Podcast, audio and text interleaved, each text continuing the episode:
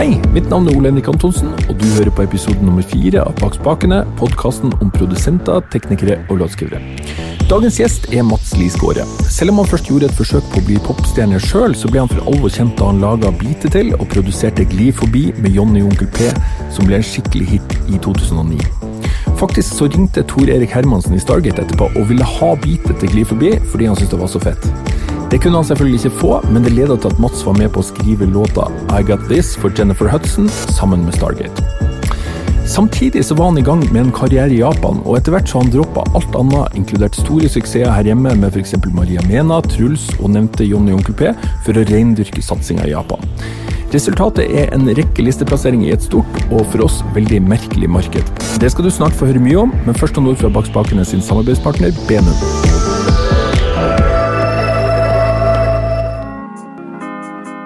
Universal Audio lager autentiske emuleringer fra anerkjente analoge klassikere som Niv, Lexicon og API, og gjør de eksklusivt tilgjengelige med sine rack- og desktop-lydkort. Se hele utvalget fra Universal Audio og få de beste prisene på benum.no – bak spakene.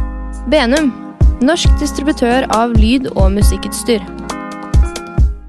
Velkommen til Bak spakene, Mats Lisgaard. Hjertelig takk. Også kjent som Slipp-Mats. Jo da, Slipp-Mats. Det er um, et navn som jeg ga meg sjøl uh, i forbindelse med um, MySpace. Når, når, de kom på banen, ja. så måtte jeg ha meg et kult produksjons- eller produsentnavn. da. Ja. Og så På den tiden så var jeg veldig sånn uh, samla på vinylplater og, og choppa opp uh, sånne Motown-sample. Veldig sånn Kanye West-inspirert. og da tenkte jeg på den filtmatta som ligger på platespilleren, som er en slipmat. Slipmat? Ja. Der det kommer fra? Ja, ja, ja. ja. Da kan vi gå videre. Du har akkurat kommet hjem fra Tokyo. Ja, ja. Hva har du gjort der? Jeg har skrevet uh, låter, og hatt en syltynn ferie også. Du har det, ja? Jeg var i Tokyo og skrev, uh, eller hadde sessions, og så er det jeg og en kollega som uh, dro til Okinawa, som er en sånn liten øygruppe utenfor Japan. Vi har vært der et par ganger før. Bare for å henge ut og ta et par dager utenfor studio. Ja. ja. Og når du er der, så skriver du for det japanske markedet. Det skal vi snakke mye om. Men aller først, hvordan starta det? Hvordan ble du produsent og låtskriver? Ho, hvordan begynte det, da? Altså, um, jeg har jo pusla med musikk siden jeg var seks år. Uh, og jobba meg gjennom uh, alt mulig av sjangere. Uh, men sånn selve produksjons... Eller hva skal jeg si? Ja, var det band og sånne ting, da? eller? Spilte ja, du, ja, jeg spilte Jeg begynte med gitar, og så spilte jeg i forskjellige rockeband. Eh, gikk litt over på jazz ganske tidlig. Oi. Hadde ikke peiling på, på teorier eller noen ting, men, men, det hørtes ut som jazz, da. Ja. Hva, spilte du gitar? Ja. Og så um, Fra jazz så ble det en naturlig overgang til funk. Ja. Så hadde vi hadde dødskult funkband som var um, med blåserekke og breakdansere og DJ på scenen. Så lagde det, det var dødsbra show. Og så, på slutten av 90-tallet, så ble jeg fanga av denne boyband-bølgen. Ja. Med Backstreet og NSYNC og Britney og hele den, eh, den pakka der. Ja. Og det var da jeg begynte å, å virkelig um, tenke at det her er hypp å gjøre. Ja. Og begynte å studere sånn låtskriverfaget, da. Hvem var helten da? Var det Max ja, det Martin? var jo Max Martin, det. Ja. Eller egentlig ikke så, Jeg var ikke så bevisst på det da. Da var jeg mer opptatt av artisten og liksom hele den popstjernegreia. Ja. Jeg var ikke så opptatt av eh, de som jobba bak. Det kom litt senere. Men jo, også på et eller annet tidspunkt så ville jeg jo bli artist selv, da. Ja. Så ja, i 2003-2004 ish så var jeg faktisk R&B-sanger med platekontrakt på Warner Music. Sier du det, ja? Ga jeg ut en låt med Clean Cut som eh, gjesteartist. Ja. Og med den låta så fikk jeg egentlig oppfylt alle drømmene mine. Så jeg, jeg spilte jo på, på Rådhusplassen og, og, var gjest på VG Topp 20 på NRK med Shortcut og, og, JP og den gjengen der. Ja, Hva, uh, hva, hva, hva var artistnavnet ditt? Mats. Det var Mats? Ja. ja. Uh, den ligger på Spotify. Den har, den har ennå ikke 1000 streams, tror jeg. Nei, men da skal, da skal den få en stream til fra meg. Ja. ja. Men øh, jo, så på et eller annet tidspunkt da, oppi, den, øh, oppi det sirkuset der, så tenkte jeg at øh, vet du hva, det her er egentlig ikke for meg. Jeg er livredd for kameraer, og jeg, jeg liker ikke å stå på scenen. og jeg, var, jeg, tvilte egentlig ganske mye på egne sangferdigheter og sånne ting. Men det jeg likte, det var å jobbe i studio. Så helt naturlig så ble jeg mer enn låtskriver og også produsent. Ja. I kjølvann av det der, da. Og som jeg nevnte innledningsvis, så var det mm, da MySpace kom, så ble det veldig enkelt å, å lage en beat, legge ut der, sende den til en amerikansk rapper, få liksom ting til å begynne å rulle litt. Og det var også da jeg begynte å um, ta kontakt med um, norske artister. Ja. Som jeg da senere møtte eh, i Oslo. Eh, Johnny Onkel P, for eksempel, var noen av de første Ja. gutta jeg begynte å jobbe med. Sendte du dem beats, da, eller? Ja, sendte beats til eh, Johnny Onkel P i mange år. Ja. og, og jeg dro jo også innom Pass sitt studio, hvor jeg visste at de jobba, og la igjen sånne beats-cd-er og sånn. Du, var det du som Det var ikke du som laga partysvenske? Nei, det var, det var litt før det. Ja. Fredag og Partysvenske var vel liksom uh, et par år før Gli forbi, da. Ja. Så det var, eh, det var sånn, og, og mm, ganske tid Altså, jeg begynte jo å jobbe med mm, Da jeg selv var artist, så jobba jeg en del med Thomas Eriksen. Ja. Da var det Thomas som var produsent, og jeg var artist. Og så mm, eh, i de gamle studiene til David Eriksen ved Akerselva. Og når de skulle flytte til eh, Munkedamsveien, så ble det et ledig rom der. Ja. Og da fikk jeg muligheten til å begynne å jobbe der. Så det var, da, det var i 2007 eller 2008, eller sånn, og det var da det begynte å rulle litt. da. Så jobba jeg med John Onkel P for min egen del, og så fikk jeg også muligheten til å bli med på noen av de prosjektene som Eccentric eh, og David hadde, sånn som Tone Damli og Sichelle og Elisabeth Carew og Name og ja, alle disse menneskene som var in-house. Ja. Mm. Var Truls en del av det? Nei, Truls kom noen år senere. Nettopp. Han fant vi Nei, han, eh, nei, han var jo fra øh, Han var jo mer i den indie indie-verden, og hadde jo sitt eget band som het eh, Luke Star og Truls and the Trees.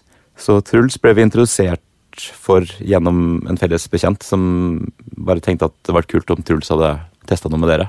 Ja. Det funka bra. Ja, det gjorde det. Ja, veldig kult. Um, fortell litt eh, om Jonny og Onkel P, hvordan, når du endelig fikk eh, napp. da. Hvordan jobba dere? Nei, det var um, Etter at jeg hadde bombardert de med beats i en årrekke, så fikk vi endelig spikra en, eh, en session. Ja. eh, Hvor de kom ned til Munkedamsveien, og, så, og da hadde jeg hadde dritmye tracks. Jeg hadde liksom en Ja. maskin full. Jeg begynte å spille opp uh, forskjellige ideer, og de kicka jo ganske bra på det. Så den første dagen så skrev vi en låt som er ute, jeg, som heter hva heter den? To elefanter Nei, Sett det der før, het den. Det var det første låta vi gjorde. Og så uka etter gjorde vi en til og en til, og så var det tredje eller fjerde session hvor vi gjorde Gli forbi. Og det var jo egentlig langt utenfor deres komfortsone, da. De har vel aldri vært så melodiske før. Nei. Men det var vel kanskje det som gjorde at, uh, at de fikk et lite comeback òg. At her var det noe nytt. Visste dere det når dere hadde gjort den, at uh, her Ja, ikke akkurat eller når vi gjorde den, så Det føltes bra der og da, men jeg merka det sånn umiddelbart etterpå. Hvor det begynte å ringe veldig mye folk og Ja. masse e-mails. Så jeg merka liksom at nå var ting i sving. da. Og ja, ting skjedde veldig fort.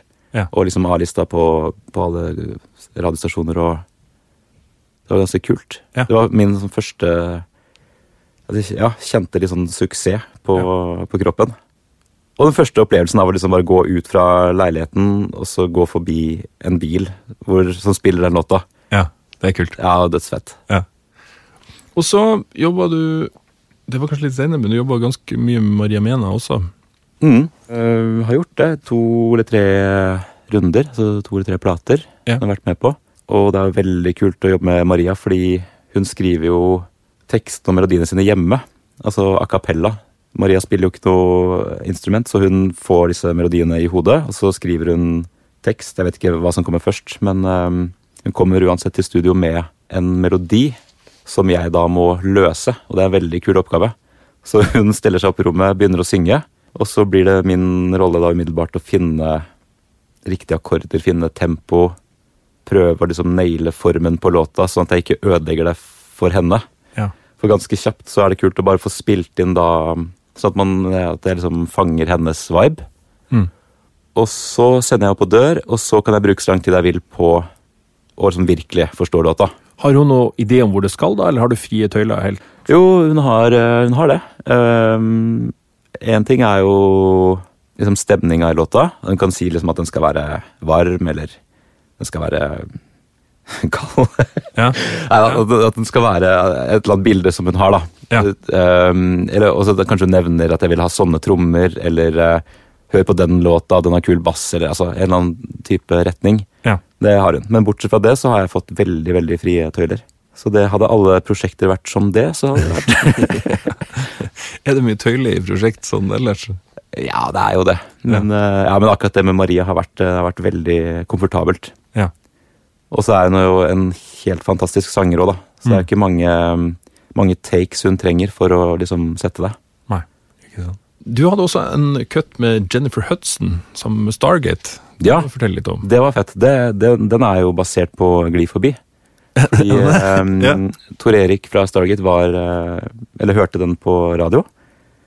Um, og syntes den var så fet, så han hadde lyst, han hadde lyst på den, da.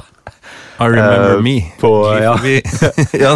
på, han, han lurte på om han kunne få det tracket. ja. Og det, det kunne han jo ikke, for den var jo allerede der ute. Ja.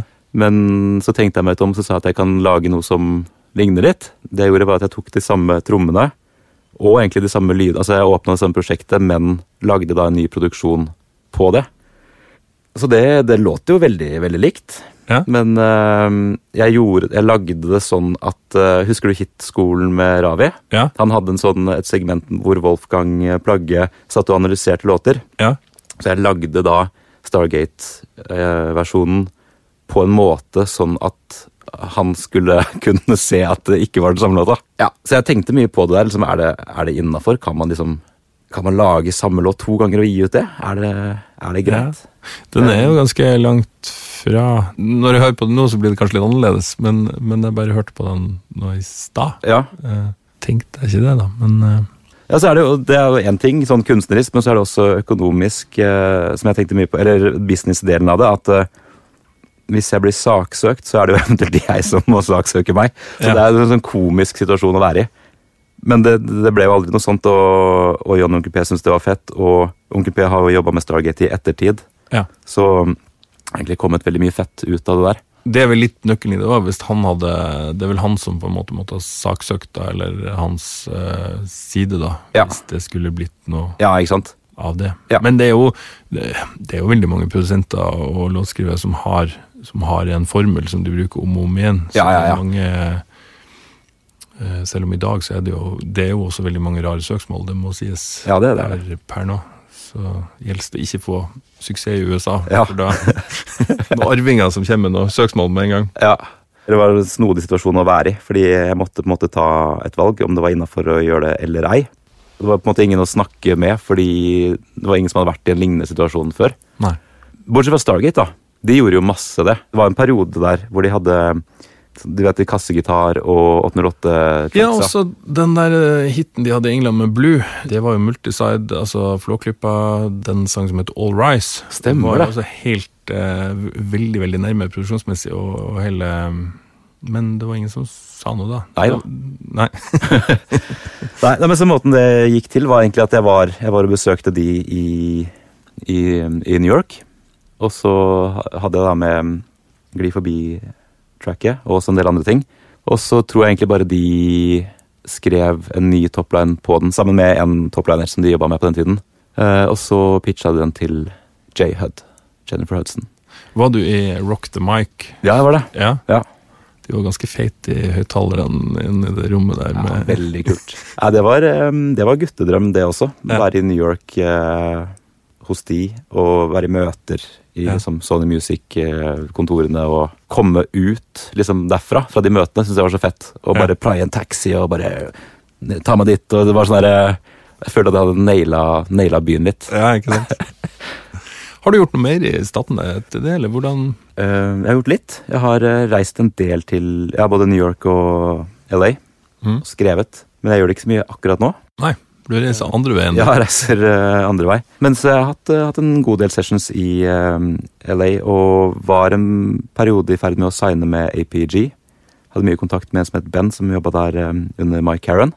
Sendte mye um, tracks og hadde en del sessions, men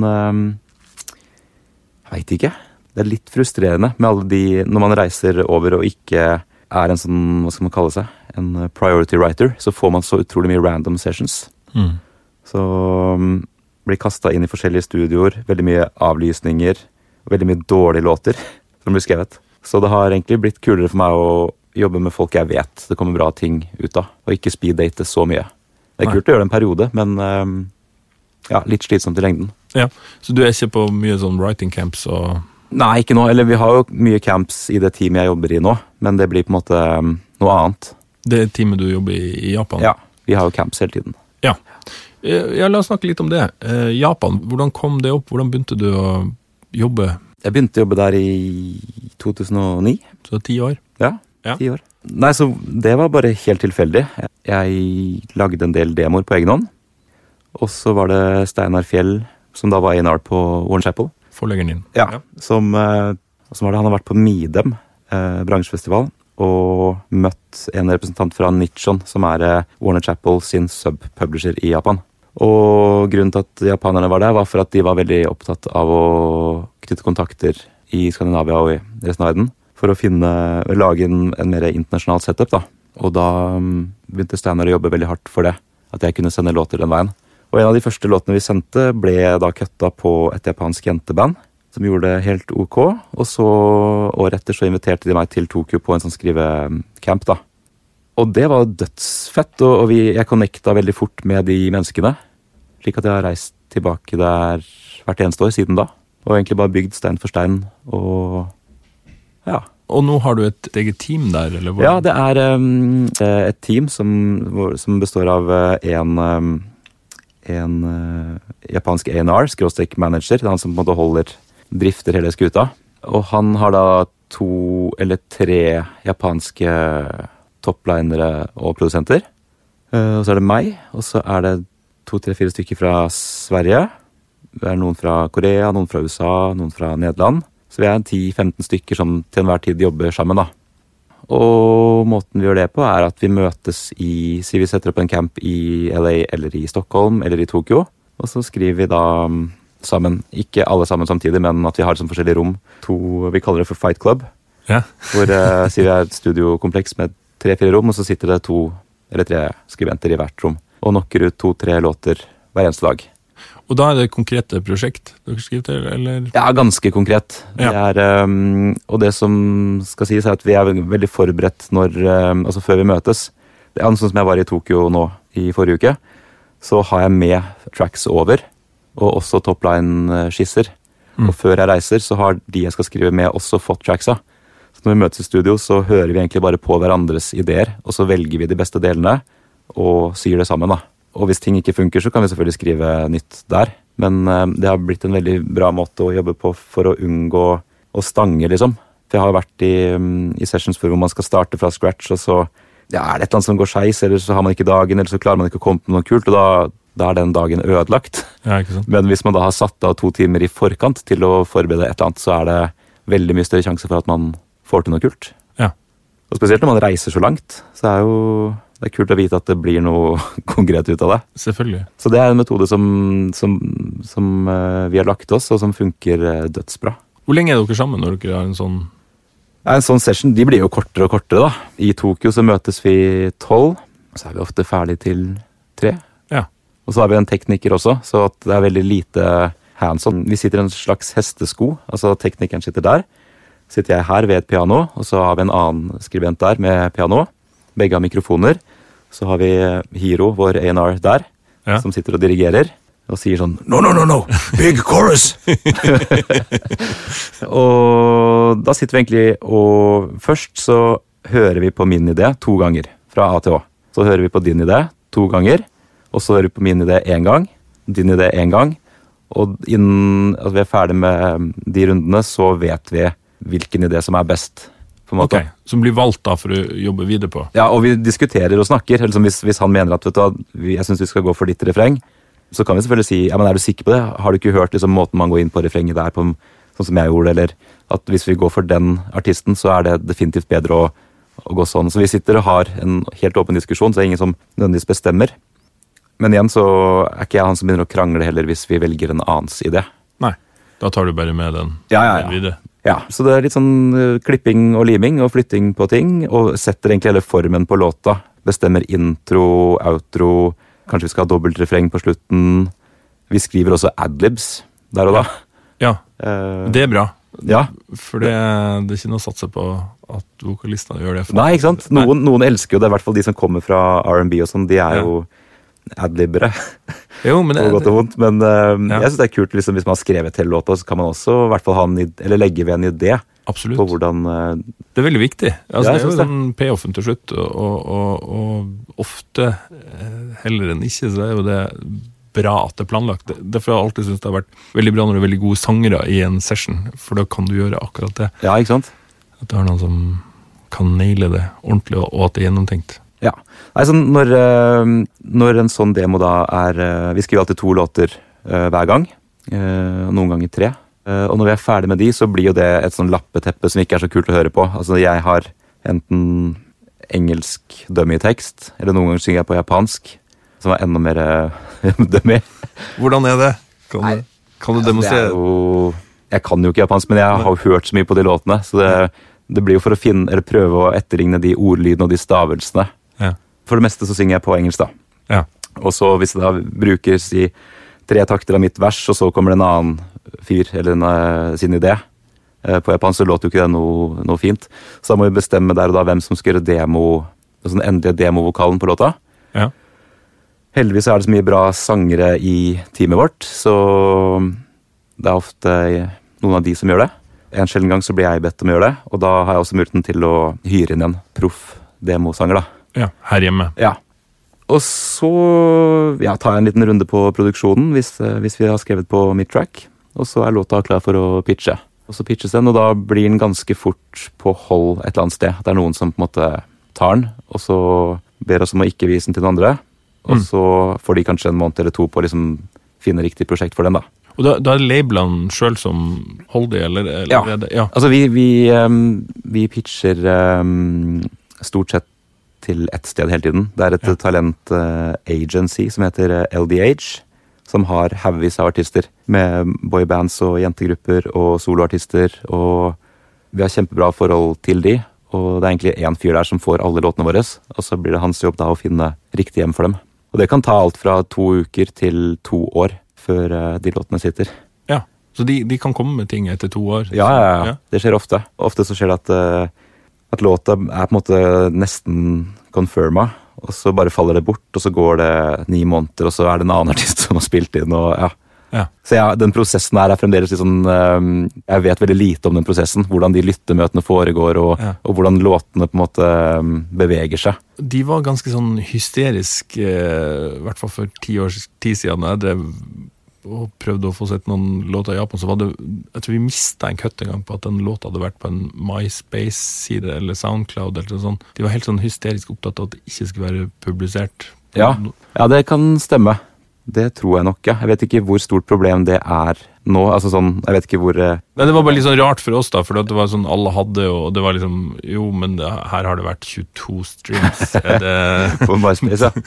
Ja. Nei, men det, det er helt sikkert en retningslinje på det ennå, men det er i hvert fall ikke noe, noe jeg hører noe snakk om. Men du gjør det kanskje ikke heller? Altså, når det er så konkret at dere med en gang får det pitcha, så Ja, ikke sant? Altså, Mine låter har jo aldri vært noe sted før Nei. de blir presentert til de. Men du, du sender også da med singback og sånn, så de gjør egen vokal på, eller hvordan Eller gjør de egne produksjoner? Hvordan funker det? Ja, den delen er at jeg sender da Først så sender jeg Hvis en låt f.eks. blir kutta, da, eller skal kuttes, så første del er preproduksjon. Da sender jeg stems. Altså ikke hele prosjektet, men at jeg deler opp i fem Mm. eller seks filer. Og så sender jeg også hele vokalprosjektet, altså med separerte filer. Og så går de inn og skriver da japansk eh, tekst og spiller inn låta. Så den delen har jeg aldri noe med, den selve vokaldelen. Da er egentlig min jobb ferdig, for at da, da gjør de vokalmiks. Så sender de ofte en, en stereofil av den, da, som jeg får eh, til å skru eh, tracket mitt helt ferdig. Og når de gir meg tommel opp på det, så sender jeg hele prosjektet til miks. Nettopp. Så det mikses i Japan? Ja. Mm. Nettopp. Eh, hadde vært kult egentlig å mikse det her også. Det har ikke kommet opp. Jeg tror de er glad i å holde, Ja. holde i sine Er det noe, er noe forskjeller der? Er det noe annen skole? Altså, gjør de det på en annen måte enn vi ville gjort det her, eller er det jeg tror det er hakket mindre bass. Ja. Eller jeg vet det er det. Det er veldig bright. Ja, og så syns jeg det gjelder vel egentlig alle Jeg syns alltid at vokalen ligger sånn dB høyere enn det jeg selv, eh, selv skulle ønske. Eller det jeg selv ville gjort. Ja. Um, De er glad i vokal. ja. Ja. Men det, sånn er det kanskje i resten av verden òg, jeg veit ikke. Eller jeg tenker at alle produsenter er veldig glad i sine Ja. synter og sine små um, perkusjonsfeels og Så man syns jo det er litt kjipt når det ikke får noe shine, da. For folk flest, vet du, så er det vokalen som teller. Men eh, når, når de har skrevet en tekst, hvordan blir splitta på sånne ting? Er, det noe standardisert, eller er det sånn uh... Ja, det er en ganske ræva splitt. Nei, jeg, får ikke, jeg får ikke gjort noe med det der, jeg. Det er, eh, det er sånn som det er. Og jeg har prøvd um, Hver gang jeg prøver å, å forhandle på en måte, eller, eller pushe betingelsene, så får jeg bare et beinhardt nei. Så jeg tenker at det er sånn um, det er. Uh, og i min situasjon nå så er det ikke så mye jeg um, får sagt. Alt når det kommer til produksjonshonorarer, til, um, til splits, til alt mulig. Eh, og det er på en måte bestemt fra høyere hold, så Ja. mine kollegaer har heller er ingen- ingen Nei. Nei. Eh, men når det kommer til tekst, så tar de 50% av låta. Ja. Så, er, så hvis du og jeg hadde skrevet en låt da, som i utgangspunktet var 50-50, så, så blir den cutten ganske mye mindre Ja, etter at tekst kommer inn. klart det. Og noen splits er også enda verre. At eh, noen eh, management også tar, Ja. tar en låtskrivercut. Det er egentlig helt bak mål. Men hvis det er det som skal til for at låta skal komme sted, så er det også helt, eh, helt greit. Det blir jo en avveining, alltid. Ja, Det, det er bedre med noen få prosent av noe som blir noe. ja virkelig. Ja. Ja. Men uh, gir de ut noen engelske låter, eller, eller er det noen sanger som, som ikke er japansk tekst, eller er det Nei, altså det er jo Jeg har merka de siste fem årene så har det blitt mer og mer engelske ord, i hvert fall. Tittelen Ja. er ofte engelsk, og jeg tenker på det når, når, um, når jeg gjør disse demoene og topline-ideene, at det er kult å, å ha litt fete eh, liksom catchphraser og, og noen ting som de da kanskje kan beholde hele veien. Spesielt med tanke på tittel og liksom den, de to siste ordene i refrenget, eller Ja. ikke sant? Men det er, de synger jo på japansk, og de har vel egentlig ikke så stor interesse av å eksportere heller. Sånn som eh, koreanske artister, de, de ønsker seg et publikum utafor. De har vært veldig opptatt av det. og Ja da. Men Japan, de eh, Nei. Det forblir på den lille øya Sigurd. Ja. Men det er et ganske stort marked, så Ja da, det er, det er gigamarked. Det er, Hvordan er det? Er det fortsatt fysisk salg, eller er det digitalisert nå? nei, både og. De har jo Spotify, og de laster ned på iTunes, eller hva heter det? Beats, nei, hva? Ja. ja. ja. Apple Music heter det. Ja, Apple. Music. Ja. Eh, Så det er stort, men, eh, og de har også sine egne japanske tjenester for det. Men eh, de har fremdeles et veldig stort CD-salg fordi det er så forankra i kulturen at de støtter de artistene som de liker. Det er vakkert. Ja, det er det. Så hvis Ja. du slipper en skive, så selv om jeg da streamer den eller laster den ned, så vil jeg også kjøpe plata di fordi kanskje det følger med en plakat, eller eh, ja, at det ligger noe, noe ved. da. Ja, merch- merch-ting. Ja. Og det er jo ganske eh, bra fans å ha, da. Mm. Som hvis du gir ut av samme plate i fire forskjellige farger, så, kjø Så så kjøper de. kjøper folk det. Ja. Genialt. Ja. Ja. Og på dem, det var en gang at de la ved konsertbilletter i eh, CD-en. Så jeg har opplevd å selge 450 000 fysiske skiver på én dag. Wow. Det, er- det er ikke så mange som gjør. Nei, det er ikke det. Så jeg er jo helt sånn uh, Charlie og sjokoladefabrikken med sånn gull. ja. Og så har du jo, det er ett band der borte som heter AKB48, som er et jenteband med 48 jenter. Hvor da disse medlemmene blir valgt ut av uh, Jeg tror ikke alle synger, altså. uh, det er greit Pro Tools-prosjekt. Um, eh, jo, at eh, medlemmene blir valgt ut av fansa. De stemmer liksom hvem som skal få være med, og hvem som skal være lead-artist, og, og hvem som begynner å bli gamle, som skal stemmes ut. og Ja. og sånn, og det her er jo helt sånn um, sirkus. De selger alltid over en million når de slipper ting. Så det er vår uh, største frykt, da, å slippe en låt på samme dag som AKB48. Ja. Da er du dømt til å havne på andreplass. Nettopp. Benum er norsk distributør av studio- og musikkutstyr fra bl.a. Shore, Universal Audio og Genelec. Bli pro-kunde og få muligheten til å handle med de beste prisene på bl.a. lydkort, mikrofoner og kabler fra noen av verdens mest anerkjente merkevarer. Se benum.no bak spakene for mer informasjon. Benum, norsk distributør av lyd- og musikkutstyr. Hvordan er det å forholde seg til? Er det, er det merke, altså Du har gjort det veldig lenge, så du, du kjenner jo kanskje kulturen litt sånn, men, men, men er, det, er, det, rart i forhold til altså Det, det høres jo helt vilt ut å ha band som du stemmer ut ja. ja, det er, jo, det er jo litt rart. Og det er en litt annen kultur og litt annen marked. Men heldigvis så har vi jobba mest med den, liksom, den sofistikerte delen av det. Da. De artistene vi jobber med, er jo Jeg syns det er dødsfet musikk. Ja. Det er veldig R&B-basert. Og alt som høres litt ut som Michael Jackson, også Justin Timberlake, Bruno Mars, hele den funk-motown-pakka der. Det kan vi gjøre så mye vi vil av. Så du får brukt din gamle funkband? Ja, ja, absolutt. Vi gjør jo masse ballader. Liksom sånn helt nede i 70 BPM. Eh, og masse opptempo. Og mye sånn opptempo, eller EDM i den derre gullalderen. Sånn derre Avicii, Swedish House Mafia, 128, ja. Takeoff. Altså, vi gjør masse sånne låter. Og også videre oppover, helt opp i 160. Altså sånn punk ja. ja. Så det er eh, enormt spenn da, av ting å gjøre. Ja, Det blir jo aldri kjedelig. Og så er det en veldig musikalsk sjanger. Det er lov med hva skal man kalle det, litt sånn musicianship. Lov til å vise litt uh, skills. Og det er kult. Det er kult. Og litt forfriskende. Det er sånn, uh, Hvis du hører på New Music Friday nå, så er det veldig minimalistisk, det som mm. foregår i resten av verden. Mm. To lyder og en loop på fire takter. Det må skifte snart. Ja, det kan hende at det gjør. ja, men den trap-greia som har vært nå, har jo vært eh, vært ganske lenge. Ja, den har det. Ja, Og det låter, jeg digger det. Jeg hører jo på det, og det låter fett. Og, men jeg tenker at det, eh, det blir kult med en ny trend etter hvert òg. Men når du jobber mot Japan, så mye som du gjør, hører du mye på japansk, altså på andre utgivelser? Sånn. Hva, hva, hører du på? Hva inspirerer deg? Eh, det er litt blanda. Jeg hører jo Jeg følger jo med på alt som foregår der borte, bare for å vite hva som skjer. Det er ikke så sound-basert der, da. Det er litt mer tidløst. Eller man, det, er som, det er litt mer ting som er lov. Ja. Eh, men det er i hvert fall kult å vite hvor artistene beveger seg, hvor de er på veien. Og det er liksom sånn produsentansvar også, å se liksom kvaliteter. Å ja, ok, så du har gjort det, nå er du på vei dit. Kanskje hvis jeg lager en sånn track, at, jeg, altså at man tenker litt som en A&R, da. Men i hvert fall jeg følger med på, på, alt som blir sluppet der, i hvert fall blant de artistene som jeg selv jobber med, da. Og så hører jeg også på alt som kommer ut her, bare for å veie opp litt. Ja. Og, og jeg tror at litt av grunnen til at de uh, vil jobbe med meg, er for at jeg ikke er japansk. Så jeg har jo jeg skal jo på en måte, jeg har blitt veldig japansk, men jeg skal jo også bidra med det internasjonale. på en måte. Mm, Tilføre noe som ja. de ikke har. Så ja, hver fredag så hører jeg gjennom uh, New Music Friday, og så Alt som jeg syns er kult, hiver jeg over i en egen inspirasjonsliste. Mm. Og så fortsetter jeg å høre på de låtene, og så sjekker jeg hva, hva jeg på en måte kan ta med videre. Mm. Det er en kul akkordproduksjon, eller en kul måte å løse trommer på, eller ja. Mm.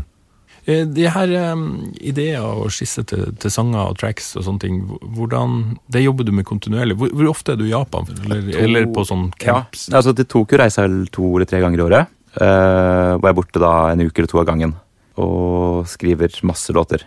Så jeg bruker jo veldig mye tid på å forberede de turene, og også alt etterarbeidet etterpå.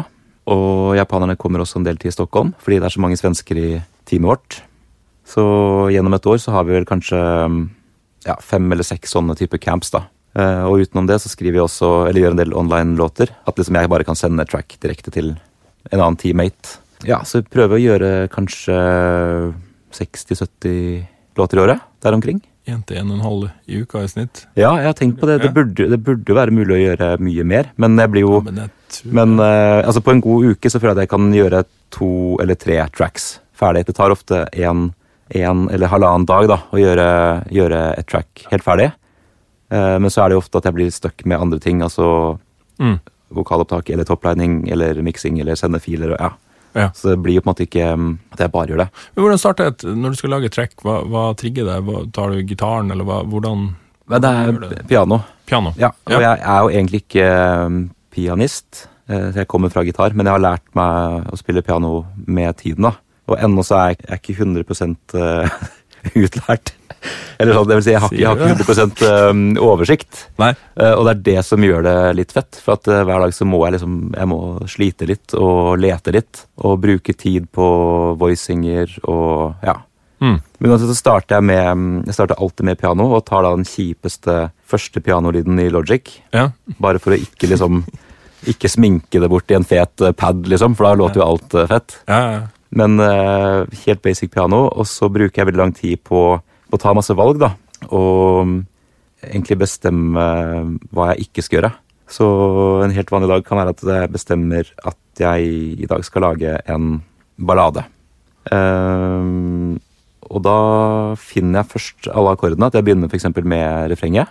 Da finner jeg noen akkorder som er fine der, og så, når jeg har naila det, så går jeg opp på verset, og så prekorus. For det er veldig viktig med de tre forskjellige delene. da. Ja. De skal være um, helt forskjellige. Så må jeg tenke veldig mye på ok, hvis den første akkorden i refrenget begynner på F, og så beveger seg opp til G og A-moll og sånn, så er det kanskje kult å begynne verset på A og gå nedover andre veien. Og så må prekoruset være veldig interessant. En slags oppbygning, men også en sånn snodig akkord helt på tampen. En sånn veldig sånn tension-kord. Så bruker vi tid på det, og så er det mm, Og litt sånn hvor lenge man ligger på hver akkord. At Hvis ja. reffet for eksempel er veldig åpent, at man ligger da en hel takt eller to takter på, på hver akkord, så er det kult med litt mer movements ellers i låta. Ja. Så prøve å se liksom helheten allerede der, da. Og når jeg da har eh, gjort det, og alle delene er på plass, så er det da er egentlig låta skrevet. For da, da har jeg da den der midi-fila som en slags fasit. Så kan jeg jo hente, Hvis jeg skal gjøre et strykearrangement, så kan jeg jo hente de forskjellige tonene derfra. Eh, og bassen ligger jo der i bånn. Så jeg, jeg, henter, jeg prøver da forskjellige lyder med liksom de akkordene. Eh, og så må jeg bruke da åtte timer på å få det til å låte kult. da. Begynne med trommer og ja, synter. og Heldigvis, etter at Splice kom, så har ting gått eh, litt kjappere. Ja. Før, før kunne jeg jo sitte i timevis og programmere um, snare rolls og ja, nei, nå er, Jeg syns det har blitt veldig, veldig bra. Du bare henter Ja, i hvert fall på sånne um, effekt... Eller sånn dilldall, da. Som egentlig ikke er så viktig for Altså, Det er ting som bare skal gjøre en jobb. Swisher og swosher og eksplosjoner og chimes og snaps og Altså alt som Det ligger jo bare tilgjengelig. Ja. Og ofte i BPM også. Så jeg liker å hive opp det ganske fort. Og så kan man jo bytte ut ting senere, og, men det er veldig hjelpfullt eh, verktøy. altså. Ja. Og så minner det meg litt om sånn som jeg begynte å lage beats, så jobba en del med vinyl-samples. Og sånn som jeg jobba da, var jo at jeg lette etter ting i BPM. At jeg lette etter samples fra vinylplater som kunne matche Ja. den biten jeg hadde. Og også toneart. Så det er sånn kul, Jeg syns Splice er litt det samme, at man kan jakte på liksom obskure lyder og få det til å passe inn i det prosjektet man allerede jobber på. mm. Så det er litt hiphop eh, i det også. Ja, nettopp. Følg med 100 000 år gammel. Jeg har aldri brukt Spice. Men det jeg ikke liker med Splice, da, er eh, de som eh, De som starter låta si med Splice. Det blir Ja. litt for enkelt. Altså, ok, I dag skal vi lage en pianoballade, da, sånn som jeg nevnte. Så ville jeg aldri gått der og så henta liksom, pianoakkorder. Det, det er litt for stolt eh, komponist. Du må gjøre litt sjøl. Ja. Og det er jo, men det, det er jo sjukt mye fett der inne også. Det er jo Et eksempel er jo jeg, En dag så hadde jeg lyst til å gjøre en sånn Hva skal man si? Litt sånn Husker du Amory One Thing? Litt sånn Rick, hva heter han? Rick Harrison. Veldig mye sånn perkusjons... ehm, har gjort mye Crazy in Love med Beyoncé, tror jeg. Alle sånne der, hva skal man kaller kalle det, sånn rundt 100. BPM. Mer sånn bam. Mye sånn brass dabs og sånn. Jeg ville lage en, en sånn type track. Og så søkte jeg etter noe saks-samples. Ja. Jeg fant da noe som var dødskult, og da, og da er jo på en måte ideen der på to minutter. Hvis man gidder å, ta, å, å grave litt. Um, og i sånne type produksjoner så trenger man ikke så mye annen musikk heller. Nei. Det blir mer en sånn beat i, ja, på en sånn old school måte. Hvor mye, mye av komposisjonen ligger i trommene og i, og i viben. Mm. Mm. Det, det, og det er også noe med å holde opp eh, frekvensen i arbeidet. og Hva, hva bruker du tida di på? Ja. hvis, eh, Jeg, jeg elsker Splice, og jeg Ja. håper at det fortsetter å utvikle seg. Jeg trenger en sånn robot, eller en sånn app, som kan fortelle Splice hva, hva jeg leter Det var digg. Ja. Hvis jeg har lagd da Hvis jeg har lagd akkordene, så kan jeg da si til noen at eh, nå skal du jakte på disse lydene. Eh, så går jeg dette BPM-en, og, så- og så får du det. AI. Ja, Ja.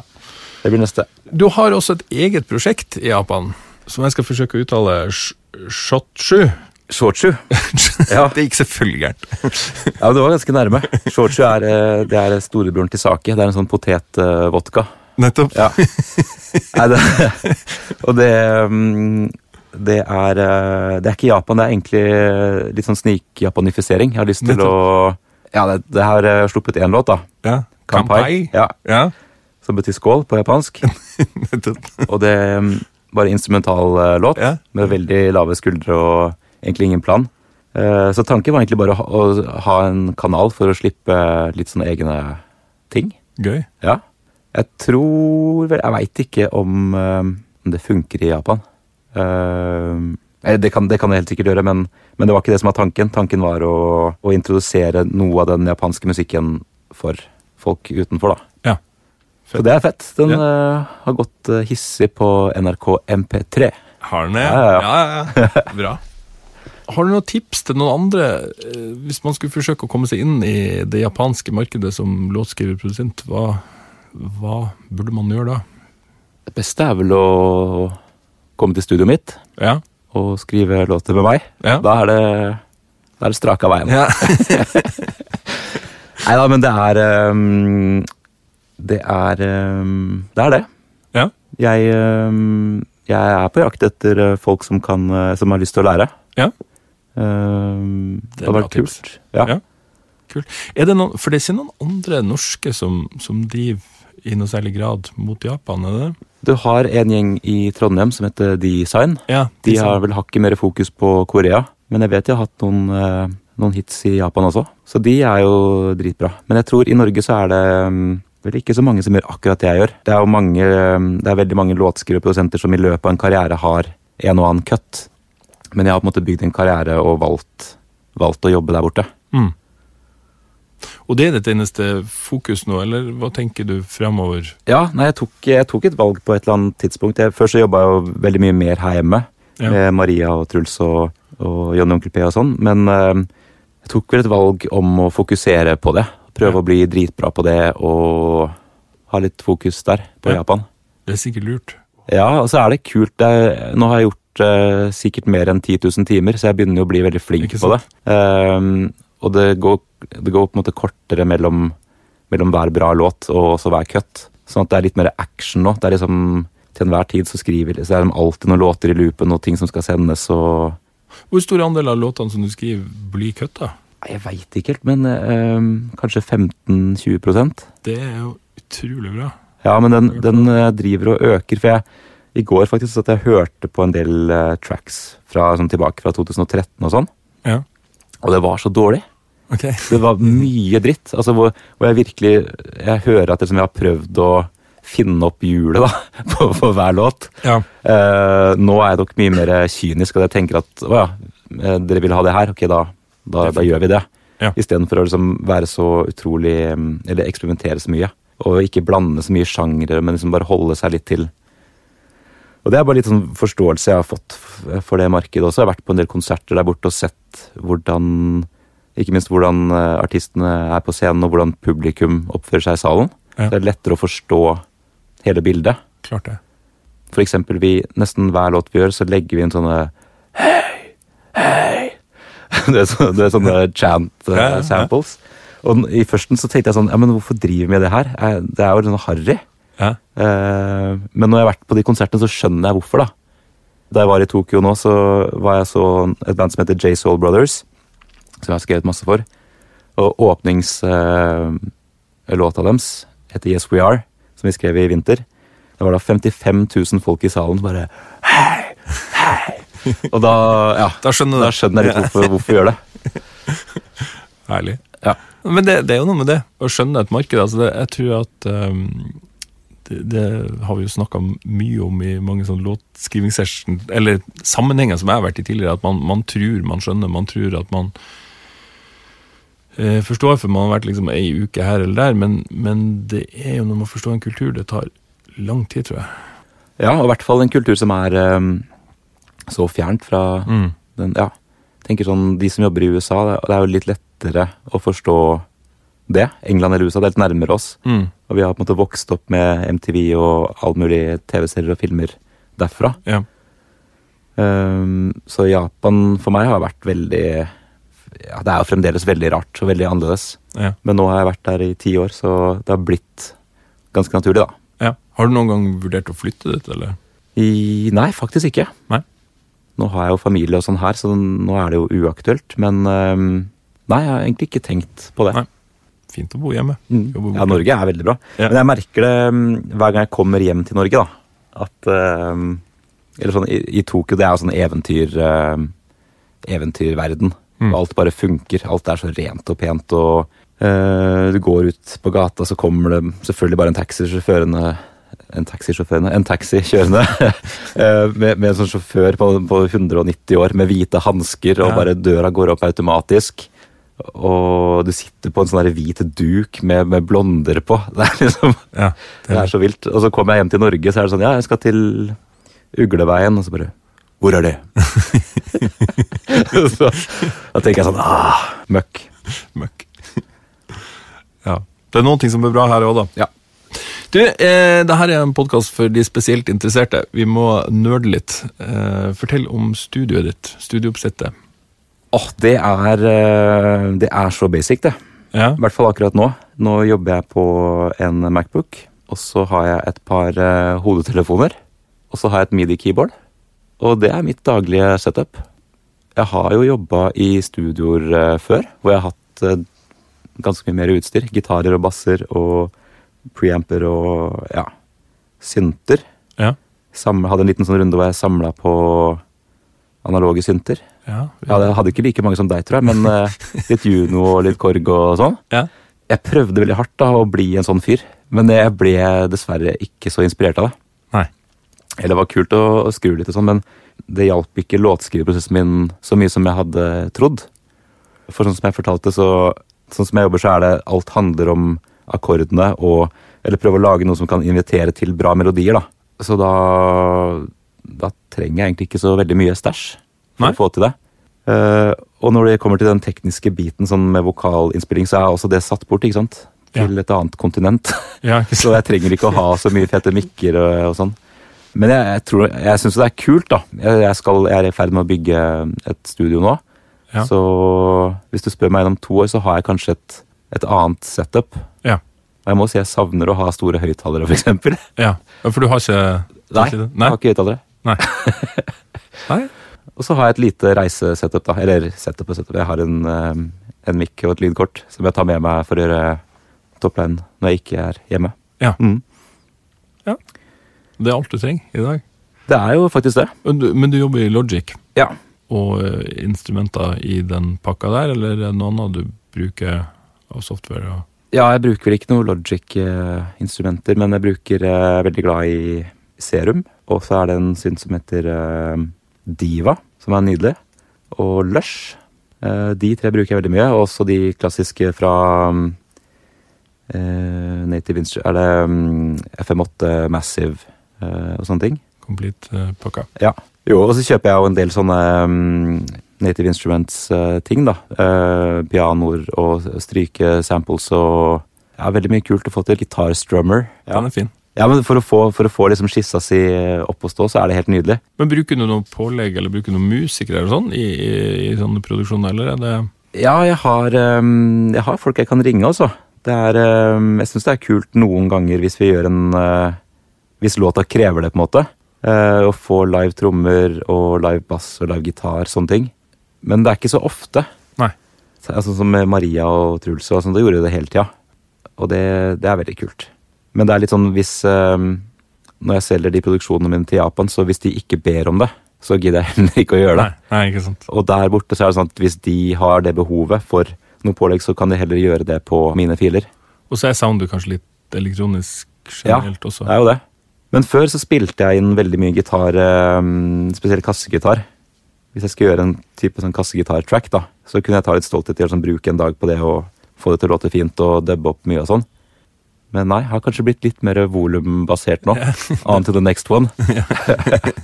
Ja, men det er bra. Ja, I hvert fall på det stadiet. Og så er det, jeg er veldig forkjemper um, Du kjenner meg, jeg har jo brukt 60 000 på stryk fra Øst-Europa på demostadiet. Jeg, kan- jeg, kan, jeg kan hvis jeg vil. Ja, det, det er ikke så mange andre jeg kjenner som har gjort demo med stryk på eh, 40 strykere på, på, på demolåt.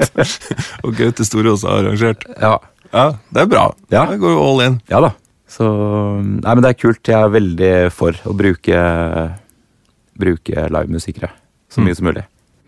Jeg kjenner jo deg som en produsent, og eh, produsent er jo vanlig å tenke Da tenker man track, da tenker man liksom sy det i hop. Men vi snakka litt på forhånd her, og du sa du også er veldig involvert i topline. Ja da. Jeg gjør eh, nesten 50-50 track og, og topline. når, hver gang jeg gjør et track, så sender jeg det til min japanske A&R. Og så Det første han gjør, er å finne da si én eller to andre toplinere som han tenker at kan skrive på, på det tracket. Og så spør han også meg Ja. om å komme opp med en skisse. Ja, så jeg, basically så topliner jeg alle tracksa jeg skriver. Du gjør det? Ja. Sånn by default, liksom? Ja, Ja. Men ikke før jeg blir bedt om det. Så det er derfor eh, jeg fremdeles ser på meg selv som litt mer track-fyr. For det er noen tracks jeg gjør som ikke blir godkjent, eller som ikke blir topplina. Det skjer jo også. Kanskje ja, to av ti tracks da, får jeg tommelen ned på. Nettopp. Men de andre de, de eh, gjør, vi ferdig låter på, og de toppliner jeg også. Det liker jeg egentlig veldig godt. Fordi eh, når man har sittet og lagd dette tracket, så underveis så dukker det opp en del melodiforslag. Ja. Jeg sitter jo ofte og liksom, småsynger litt mens jeg velger akkorder, for å liksom, sjekke om det er mulig å synge på det. Ja. Um, så allerede der så har jeg jo noen ideer. Og så har jeg blitt ganske sånn systematisk på hvordan jeg skriver melodier. Jeg tenker at hvis vi skriver til et boyband, eksempel, eller en eh, mannlig vokalist, så Ja. er det sånn, så vet jeg at de alltid låter bra rundt A. Kanskje B. Ja, Ja. Burde ikke nærme seg for mye C, for da, da blir det falsett. Eller det kan godt være der, men da blir det falsett. Ja. Å tenke på sånne ting. Ja. Og tilsvarende med jenter, at de burde ligge rundt C eller D i full voice, og så vet jeg at de kan strekke seg til E eller F i falsett. Så når jeg, når jeg begynner å skrive refrenget, så prøver jeg da å finne liksom de notene som man kan dra på. Ja. Og så er det en kul begrensning òg, for at man kan jo skrive hva som helst over hvilket som helst track, men at track allerede har en så satt form, da, i, altså i form av toneart, så er det veldig mye begrensninger akkurat der. Ja. At det, dette blir dagens oppgave. Nå skal jeg liksom finne verdens beste refreng på disse akkordene.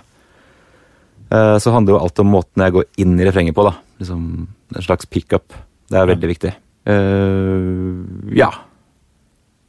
Jeg syns det er fett. Også når jeg skriver til, eh, til jenter, så så synger jeg det i liksom mitt veldig sånn naturlige leie, og så pitcher jeg det opp en oktav. Nettopp. Det funker dødsbra. Okay. Så bruker jeg noe i Logic som heter Vocal Transformer, så skrur jeg opp litt på formanten der. Ja. Og jeg høres altså så kawaii ut. Ja. Nei, men jeg har pitcha låter med min sånn datastemme, Ja. så det, det funker. Fett. Så har jeg litt begrensa range. Så når jeg synger, så kan jeg strekke meg til en F eller kanskje G, hvis jeg drar på. Eh, og så må jeg gå i falsett derfra, da. Så det, det har vært litt sånn um, gift and a curse, for at jeg er da ikke verdens beste sanger. Så da, det betyr at jeg må gå enda hardere på melodiene. Så at jeg har jo andre kollegaer som har enorm kraft, da, som bare bæ, drar på noe så voldsomt, og låter veldig troverdig. Ja. Mens um, selve melodiene er kanskje ikke verdens beste. Fordi det, er så, det ligger så mye kraft i at man som synger bra. Som jo kan være en stor fordel når det skal selges inn, men et stort problem når det skal synges. Ja, ikke sant? Ja. Ja, så merker jeg at jeg har blitt veldig mm, opptatt av liksom sånn eh, call and response-type ting. Liksom sånn at man tenker veldig sing-along-vennlig, da. Eh, jeg også har hørt veldig mye på, på R&B og er veldig glad i sånne thriller og, og litt sånne finurlige melodier. Men for folk flest så er ikke det alltid det letteste å Å henge seg på. Nei. Planer fremover. Ja, planen er vel å fortsette å gjøre det jeg gjør nå. Ja. Bare i enda større skala. Kanskje tilknytte meg noen samarbeidspartnere som jeg kan eh, Ja, i Norge. Finne noen som jeg kan jobbe sammen med her. Har du noen per i dag i kikkerten, eller er det Jeg har vel ikke det, men det hadde vært kult, det. Ja, og så skal jeg jo bygge et nytt studio, så, som også gjør det litt lettere. Ja. uh, og invitere til sessions uh, her i Norge. Ehm, ja. Så jeg skal Enn så lenge så er det bare å knuse på der borte i Japan. knus på Japan? Med um, CD-salg og Ærlig. Ja. Ja, men da er det noe mer å legge til. Har vi vært gjennom ganske mye, eller? Jeg tror det. Ja. Vært gjennom lista mye, i hvert fall. ja. Så ja men hvis vi har, hvis vi har vært eh, Hvis vi har snakka om de punktene du hadde, så har vi jo snakka om veldig mye. det har vi. Ja. Tusen takk for praten. Tusen takk skal du ha. Ja, det var bakspakene for denne gang. Det gjenstår bare for meg å takke min gode samarbeidspartner Benum, som gjør det her mulig. Driver du ditt eget studio som et foretak, så kan det hende du kvalifiserer som proffkunde og kan få kjøpt direkte fra Benum til nettopriser. Det er det mye å spare på. Du finner ut om du kvalifiserer for det ved å gå inn på benum.no og søke om å få bli kunde. Sitter du med mobilen og lytter på Apple Podkast nå, da er det i så fall kjempefint om du legger igjen en rating. Da vises bakspakene bedre i iTunes. Legg gjerne også igjen en kommentar om hva du syns. På bakspakene.no kan du registrere deg for nyhetsbrev, så får du beskjed når det kommer nye episoder, og det vil etter hvert dukke opp litt konkurranser og sånn for de som står på mailinglista. Følg også Bakspakene på Facebook, Instagram og Twitter. Mitt navn er Ole Henrik Antonsen, og vi høres neste uke.